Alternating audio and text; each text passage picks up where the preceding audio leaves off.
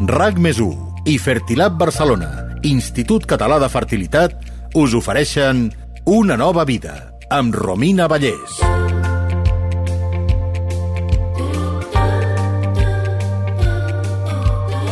El 25 de juny de 1978 va néixer el primer bebè proveta al Regne Unit, una nena que es va dir Louise Brown. L'any 1984 naixia a Barcelona la primera criatura per fecundació in vitro, la Victòria Anna. Gairebé 40 anys després, a l'estat espanyol, prop del 10% dels bebès que neixen cada any ja ho fan gràcies a alguna tècnica de reproducció assistida, ja sigui fecundació in vitro o inseminació artificial, segons la Societat Espanyola de Fertilitat. Des dels 80, a més, la medicina i la ciència han posat tots els esforços en crear protocols d'estimulació ovàrica més efectius, desenvolupar tècniques de criopreservació d'embrions o fer donacions d'òvuls i espermatozoides. Fins i tot ja s'està emprant la intel·ligència artificial, també aquí toca parlar de la IA, per controlar millor l'estimulació ovàrica, oferir diagnòstics més acurats o millorar els criteris de selecció embrionària per augmentar la probabilitat d'implantació i que la gestació arribi a bon terme. Com es fa una fecundació in vitro? Com es prepara el semen en un laboratori abans d'una inseminació artificial? Avui, a banda de respondre a aquestes preguntes clàssiques, intentarem arribar més lluny per descobrir com han evolucionat les tècniques de reproducció assistida en els darrers anys, fins on han arribat i fins a on poden arribar. Per exemple, podem seleccionar els millors embrions? Tindrem embrions a la carta?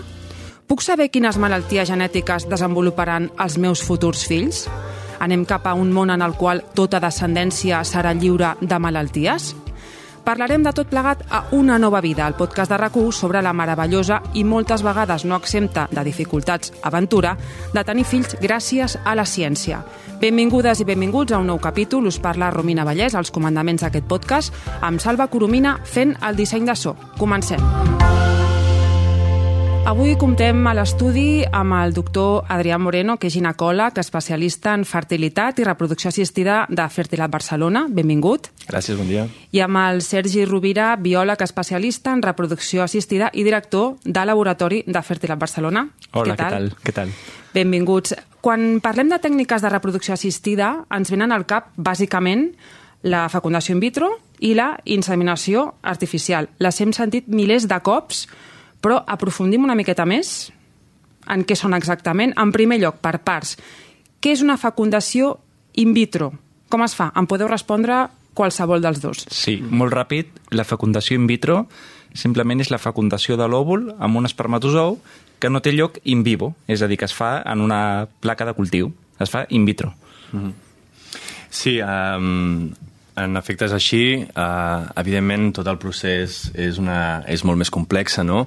Comença amb un tractament mèdic que fem uh, sobre, sobre la dona per estimular els seus ovaris i augmentar l'efectivitat del tractament, no? Això ens permet uh, tenir la capacitat de recuperar una, un major número d'òvuls que en un cicle espontani i d'aquesta manera podem obtenir més embrions i augmentar les probabilitats de la pacient. Parlem ara de la... Seguint amb aquest tutorial bàsic, de conceptes bàsics, parlem de la inseminació artificial. Com es prepara el semen en un laboratori abans d'una inseminació fins al moment en què s'implanta la pacient? Bé, és, és eh, bastant estàndard com es fa això, perquè en realitat eh, aquelles pacients que poden accedir a una inseminació artificial eh, són aquelles que s'inseminaran amb un semen que ha de ser de bona qualitat. Si el semen no és de bona qualitat, llavors són altres tècniques les que, les que ha de seguir. Si un semen és de bona qualitat, doncs es fa una preparació al laboratori amb un, una tècnica que és eh, per gradients de densitat. Es centrifuga la mostra amb unes columnes que tenen diferents gradients de densitat i així al final recuperem els espermatozous que tenen millor morfologia, millor mobilitat. I és amb aquest preparat que s'insemina la pacient. Gradients de densitat. Gradients de densitat. Són líquids sí. que tenen diferents densitats, que no es barregen com l'aigua i l'oli, mm. i a dalt de tot aniria el semen, i llavors eh, cada vegada hi ha més densitat conforme vas baixant en el tub i al final mm. només poden arribar els espermatozous que tenen millor mobilitat. Val, aquí està, aquí està la clau. Mm. Doctor, no sé si vol afegir alguna cosa més.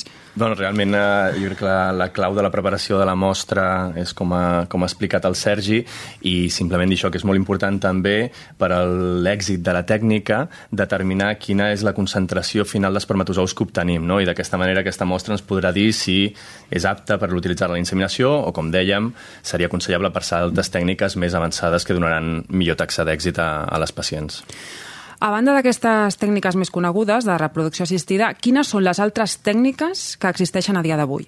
Així, a, a grosso modo. A grosso modo, eh, a més de la inseminació i la fecundació in vitro, diguem que hi ha eh, com variacions no, d'aquestes tècniques. Per exemple, una de les més utilitzades avui dia és la fecundació in vitro, però utilitzant òvuls de donant, d'acord?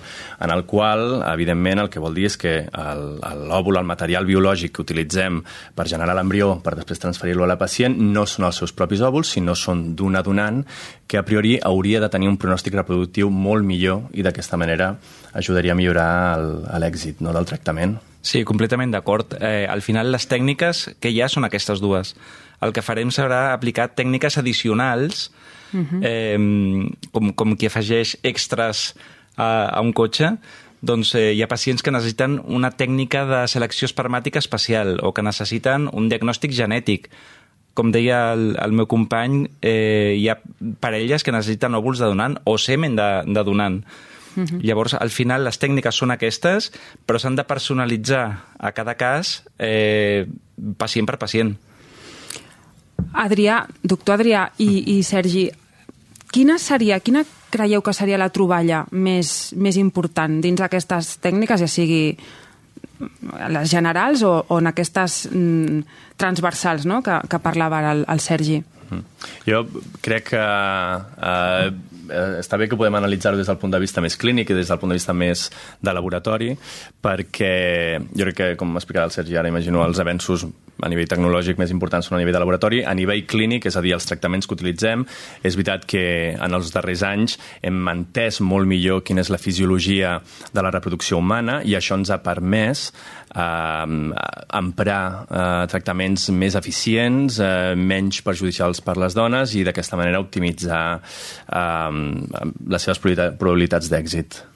No. Sí, mm, després, eh, per la banda del laboratori, eh, hi ha hagut molts avenços durant els últims 30 anys que han estat molt importants. Eh, el primer potser va ser, va ser l'aparició de l'ICSI, no? la, la microinjecció espermàtica, que permetia que parelles amb, amb mostres de semen que no eren bones eh, uh -huh. poguessin tenir una fecundació in vitro, que en aquell moment doncs, no es podia. Aquestes mostres simplement no fecundaven. Eh, però igual que va aparèixer l'ICSI, van aparèixer els incubadors timelapse, eh, ha aparegut la intel·ligència artificial, el diagnòstic genètic, tècniques de selecció espermàtica... Bueno, la, la tècnica va avançant i, i, per sort, podem oferir altres opcions cada vegada més adequades a, a cada pacient. Ara en parlarem de totes aquestes novetats. Si no fos per aquestes tècniques, moltes persones està clar que no podrien tenir fills. Tenim la dada. S'estima que al voltant del 15% de les parelles en edat reproductiva tenen problemes de fertilitat a l'estat espanyol. En sabem les causes. Tabaquisme, obesitat, retard de l'edat de la maternitat, contaminació amb els hàbits. La infertilitat, de totes maneres, ja no és tan tabú com fa 30 o 40 anys o encara costa dir-ho? És a dir, què us trobeu a consulta? Sí, eh, realment és, és, jo crec que és, és, està bé entendre o definir la fertilitat com una suma de factors realment. D'aquests eh, factors de risc que has nomenat, probablement el més important, sens dubte, és el retard a, l'hora de tenir el primer fill, no? Uh mhm. -huh. Perquè, evidentment, eh, quan més tard el tenim, el pronòstic per respecte a la qualitat, a la quantitat dels òvuls que disposa la dona, és molt més limitat, no? Després hi ha altres causes que poden eh, fer més fàcil o més difícil eh, que una dona quedi embarassada, com tu deies, l'obesitat, tabaquisme i altres factors d'higiene de, de vida, no? Uh, però sobretot jo crec que el punt clau és aquest, és l'edat de la maternitat, uh, que també podíem anar a buscar per què no? s'ha produït aquest retard de la maternitat, però bueno, això crec que és una qüestió eh, sí, ten, diferent. I tenim, tenim un podcast sobre això també, vam fer un, vam fer un podcast sobre això. Correcte. I a la consulta um, et diré que realment la major part de pacients que ens trobem eh, són pacients que eh, tenen dificultats per concebir, lligat a això que dèiem, no? aquest problema del retard de la maternitat, i que alhora es veu això um, definit o una mica condicionat per la concepció que tenim a l'hora de tenir fills, no? De que pensem, o es pensa, crec, que podem tenir fills fins a edats bastant avançades que nosaltres definim ja com a edat materna avançada, no? I precisament per aquest problema hi ha moltes parelles que troben que en el moment de posar-s'hi troben moltes dificultats. Si em permet, Sergi, abans d'intervenir, que veig que estàs preparat, teníem la dada, crec que era el, el segon capítol d'Una nova vida, que dèiem que l'any 1975 les dones espanyoles tenien el seu primer fill als 25 anys i mig. 25 anys i mig.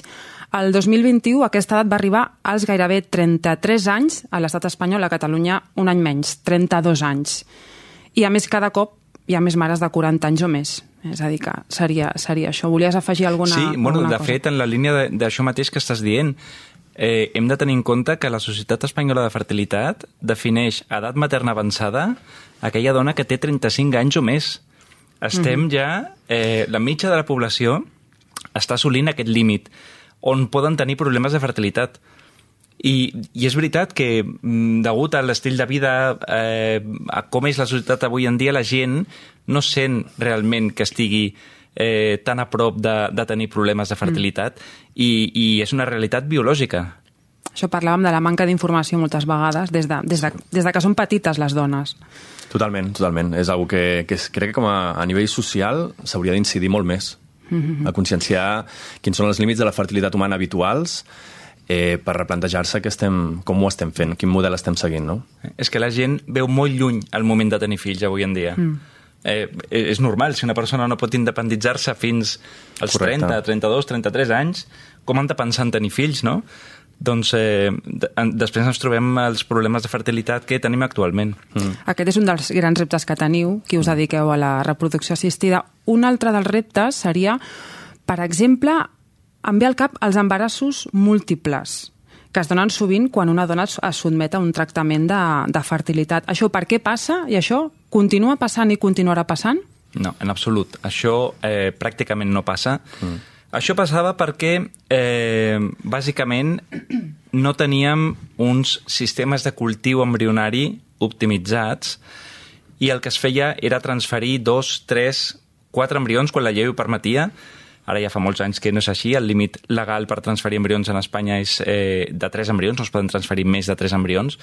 Però de tota manera, com ara els sistemes de cultiu, els medis de cultiu han avançat molt, això ens permet fer una molt millor selecció dels embrions i sempre transferim al nostre centre, per exemple, i la majoria de centres de, del nostre país, que són tots centres amb uns estàndards de qualitat molt elevats, transferim només un embrió. Llavors, és, és, eh, la, la probabilitat de tenir un embaràs múltiple transferint només un embrió és baixíssima, un entre 2.000, que és la, la, la probabilitat que, que hi ha de que l'embrió es divideixi espontàniament eh, in vivo. Mm -hmm. Correcte. Sí, sí, sí, eh, tot, el, tot d'acord amb el que diu el, el Sergi i també eh, posar de rellevància que el que evidentment era un problema que havíem de solucionar, no? Mm. Eh, perquè des del punt de vista de... Jo crec que és important dir-ho, eh, moltes pacients ens demanen eh, venir a transferir molts embrions no? Mm. alhora i hem de fer un treball bastant important de conscienciar que realment una gestació gemelar eh, és una gestació de risc. Són coses que els pacients no coneixen, no veuen, però és la nostra missió fer-los entendre que, que hi ha molts embarassos gemelars que van bé, però hi ha molts d'altres que tenen dificultats o que poden experimentar complicacions greus. greus. S'ha de fer entendre a les pacients, i és, com deia l'Adrià, la nostra tasca, que transferir molts embrions eh, era un fracàs per nosaltres. Era perquè no eren capaços de fer-ho millor i havíem de transferir molts embrions per tenir èxit. Això ara ja no passa. I és molt més probable que una pacient es quedi embarassada després de transferir-se dues vegades un embrió que no pas transferint-se dos en una sola transferència. Mm -hmm. Correcte. Un altre dels reptes que teniu per endavant els nous models de família, mm. les mares lesbianes, mares monoparentals, i tots han de ser tractats de forma única i personalitzada. Per tant, això també requereix nous professionals i un tractament més polièdric dels pacients. Quins professionals hi ha ara que fa posem 20-30 anys no existien? O bé, la pregunta feta d'una altra manera, què fan els professionals d'avui que no feien fa 20 anys? És complicada aquesta pregunta, eh? potser sí, una mica sí, sí. enrevessadeta.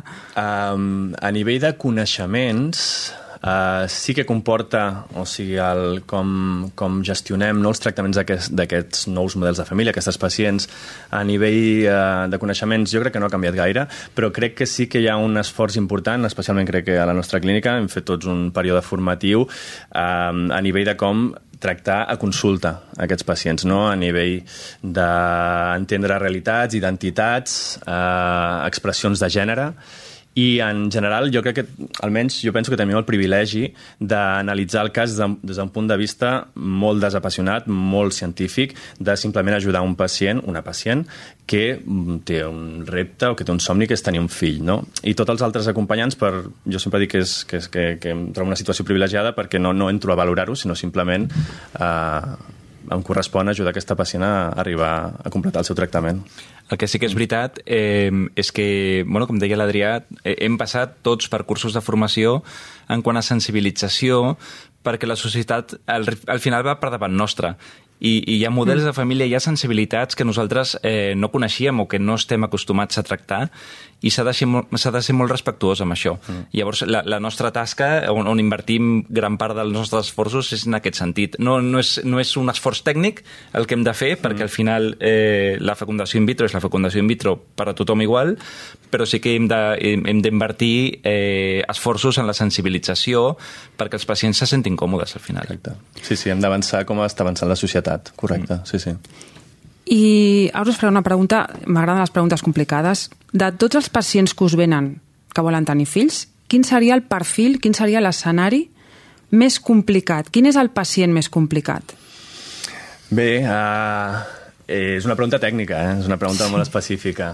Eh, uh, diríem, et diria dos tipus de pacients. Uh, pacients que tenen un mal pronòstic utilitzant els seus propis gamets, és a dir, els mm -hmm. seus mhm. propis òvuls o els seus propis espermatozous, que potser no, no accepten, que em sembla totalment legítim, el fet de passar a utilitzar uns gamets de donant.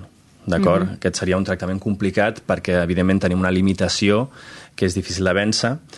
Per sort, al nostre país podem oferir aquests tipus de tractaments de donació de gamets, però els pacients que no ho accepten, evidentment, és una dificultat, i sobretot, en general, la pacient que diria que és més complicada o que té un pronòstic més desfavorable en tots els tipus de tractaments que hi ha, és aquella pacient en la qual, a nivell dels, de la seva matriu, del seu endometri, del seu úter, ha patit algun dany provocat potser per una cirurgia, un dany iatrogènic, que diem, o per alteracions de miomes o alteracions estructurals que té la seva matriu, i que realment aquestes són les pacients més difícils de tractar, perquè mm, no podem a Espanya no, no podem canviar la matriu, uh, no podem regenerar aquest endometri encara, potser en un futur sí, però són les pacients que ens plantegen més reptes, sens dubte. Parlem del futur de la reproducció assistida. El diagnòstic genètic preimplantacional serveix per seleccionar els millors embrions. És correcte, això?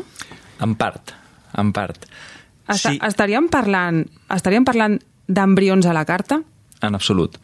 Val. El diagnòstic genètic preimplantacional és una tècnica que nosaltres apliquem, és una tècnica diagnòstica, uh -huh. és a mhm. dir, és una eh, tècnica que ens permet, ens permet conèixer eh, l'estat mm, a nivell cromosòmic o genètic dels embrions però no els millora en absolut. Simplement uh -huh. seleccionem aquells embrions que no són portadors de determinades condicions genètiques o cromosòmiques, que sabem que no donaran lloc a, a implantació o que poden provocar una malaltia al, al, al nadó i aquests embrions són descartats però això eh, no són embrions a la carta perquè aquí simplement estem escollint dels embrions que ja ha obtingut la pacient aquells que són eh, cromosòmicament o genèticament adequats. Mm -hmm.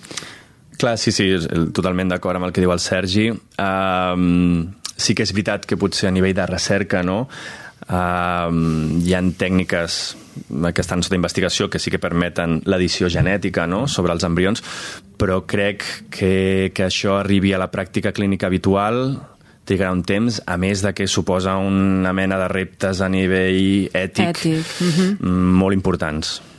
Per tant, és correcte dir que ja podríem saber quines malalties genètiques desenvoluparan els meus futurs fills o no és del tot correcte?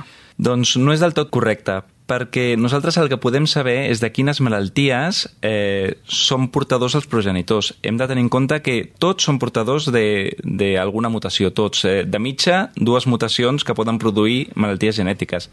El que passa és que ser portador no implica que aquestes malalties es desenvolupin. Aquestes malalties només es desenvolupen si els dos progenitors en són portadors. Eh, podem fer uns tests genètics molt complets als progenitors per saber de quines malalties són portadors i si els dos són portadors de la mateixa malaltia, de la mateixa puntació, en realitat, doncs podem fer un diagnòstic genètic per eh, escollir aquells embrions que no desenvoluparan l'enfermetat. Però saber quines malalties desenvoluparan eh, els, els futurs fills? Doncs eh, 100% no, perquè hi ha moltes eh, malalties genètiques que són de novo, que es generen eh, no perquè siguin heredades, sinó que es generen de novo. Mm -hmm. Correcte. Sí, sí, clar, no, no és una qüestió trivial, evidentment. Eh, Eh, I sobretot volia dir que, que a pesar de que sembla com que a reproducció assistida podem fer coses meravelloses, que jo crec que es fan, mm. eh, que semblen màgiques quasi bé, eh, tècnicament són immensament complexes i moltes vegades hi ha molts pacients que venen amb aquesta esperança i que deguda a la complexitat del diagnòstic de la tècnica de vegades no els podem ajudar, mm. podem oferir alternatives, però sí que és veritat que, que, que el que sembla fàcil no és tan fàcil, no? Arribats a aquest punt, com no podia ser d'una altra manera, hem de parlar d'ella, de la intel·ligència artificial, també. Quin paper juga la IA en la reproducció assistida? De quina manera pot millorar els resultats de la medicina reproductiva? Doctor, i, doctor Adrià i Sergi. Doncs mira, la, la intel·ligència artificial està entrant amb molta força a la mhm. -huh. reproducció assistida eh, i al final la intel·ligència artificial el que fa és processar una gran quantitat de dades i trobar correlacions entre factors que nosaltres no som capaços de veure. Una intel·ligència artificial al final s'alimenta de dades, quantes més dades li dones, més aprèn. I actualment, eh, en què ens està ajudant? Ens està ajudant a seleccionar aquells embrions que tenen un millor pronòstic, per exemple. Bàsicament, les intel·ligències artificials estan enfocades a, a valorar els embrions sense la intervenció dels, de, de, de cap persona, i a la presa de decisions. Uh mhm. -huh. eh, ens estan ajudant a escollir els millors embrions i fins i tot eh, comença a haver alguns sistemes d'intel·ligència artificial que intenten eh, correlacionar l'evolució dels embrions amb, amb, amb la genètica i ens són capaços de dir-nos en una correlació bastant elevada eh, sense fer un diagnòstic genètic si els embrions poden ser portadors d'alguna cromosom cromosomopatia o no. I això és molt interessant per nosaltres. Sí, des del, punt de vista, des del punt de vista més clínic, uh, jo crec que els grans avanços de la, intel·ligència de la intel·ligència artificial es donen en el camp del laboratori, sobretot. Uh -huh. A nivell clínic ens ajuda molt a analitzar uh, dades dels nostres pacients de manera massiva. No? Clar, nosaltres podem buscar quina correlació pot haver entre dues variables, una pacient amb una baixa reserva i el resultat clínic, però les eines d'anàlisi massiu no, ens donen l'oportunitat de correlacionar milers de diferents variables i arribar a conclusions que potser per nosaltres mateixos no seríem capaços de veure. No? Però, per sort, crec, no sé, no sóc un romàntic de la reducció, però jo crec que l'intervenció, almenys en el nostre cas, de la intervenció de la mà humana encara serà necessària durant molt de temps. Això us anava a preguntar. D'aquí posem 20 anys, 30 anys, encara la mà humana estarà present o arribarem a un escenari on la intel·ligència artificial ho farà serà capaç de fer-ho tota sola? Jo espero que arribem a un escenari on la intel·ligència artificial sigui capaç de fer moltes coses que ara eh, estem fent nosaltres. A mi no em fa por que la intel·ligència artificial em prengui la feina. Si és capaç d'escollir millor els embrions que jo, millor per mi i millor pels pacients. Millor pels pacients, evidentment, perquè el seu tractament anirà millor, però també millor per mi, perquè em podré dedicar a donar un tracte més personalitzat a aquests pacients, em podré dedicar a fer investigacions, em podré dedicar a moltes altres coses que milloraran el conjunt de la reproducció assistida i del tracte al pacient que ara potser no tinc temps de fer perquè estic eh, mirant embrions tot el dia. Llavors, intel·ligència artificial? Sí, sisplau. Per la, nostra, per la meva banda, eh, crec nosaltres encara, evidentment, eh, practiquem processos quirúrgics a les nostres pacients. Mm. Jo crec que és difícil encara parlar de que una intel·ligència robot, artificial un operant, no? amb un robot pugui operar o fer el que nosaltres fem. Potser d'aquí, no sé, 20 o 30 anys m'haig d'empassar les paraules. Espero que no. Uh, però sí que és el que et deia, que a nivell més de... No sé si tant de, pren, de presa de decisions, sinó a nivell de analitzar dades i donar-nos informació. Jo crec que sí que això serà clau en els propers anys, d'una sí. manera molt immediata. A l'hora de personalitzar el tractament per als pacients, mm. jo crec que la, la clau serà aquesta. Serà aquest tipus de pacient, necessita aquest tipus de protocol d'estimulació aquest, o aquesta medicació, i això potser un, un sistema d'intel·ligència artificial eh, és capaç de dir-nos-ho quan nosaltres no som capaços de veure-ho. Bé, esperem poder fer un podcast d'aquí 20-30 anys i, i dir que la intel·ligència artificial ens segueix ajudant i no ens ha pres el, Serà abans, el ja veuràs. A tots, a vosaltres i també a, a, als periodistes i a, i a tothom.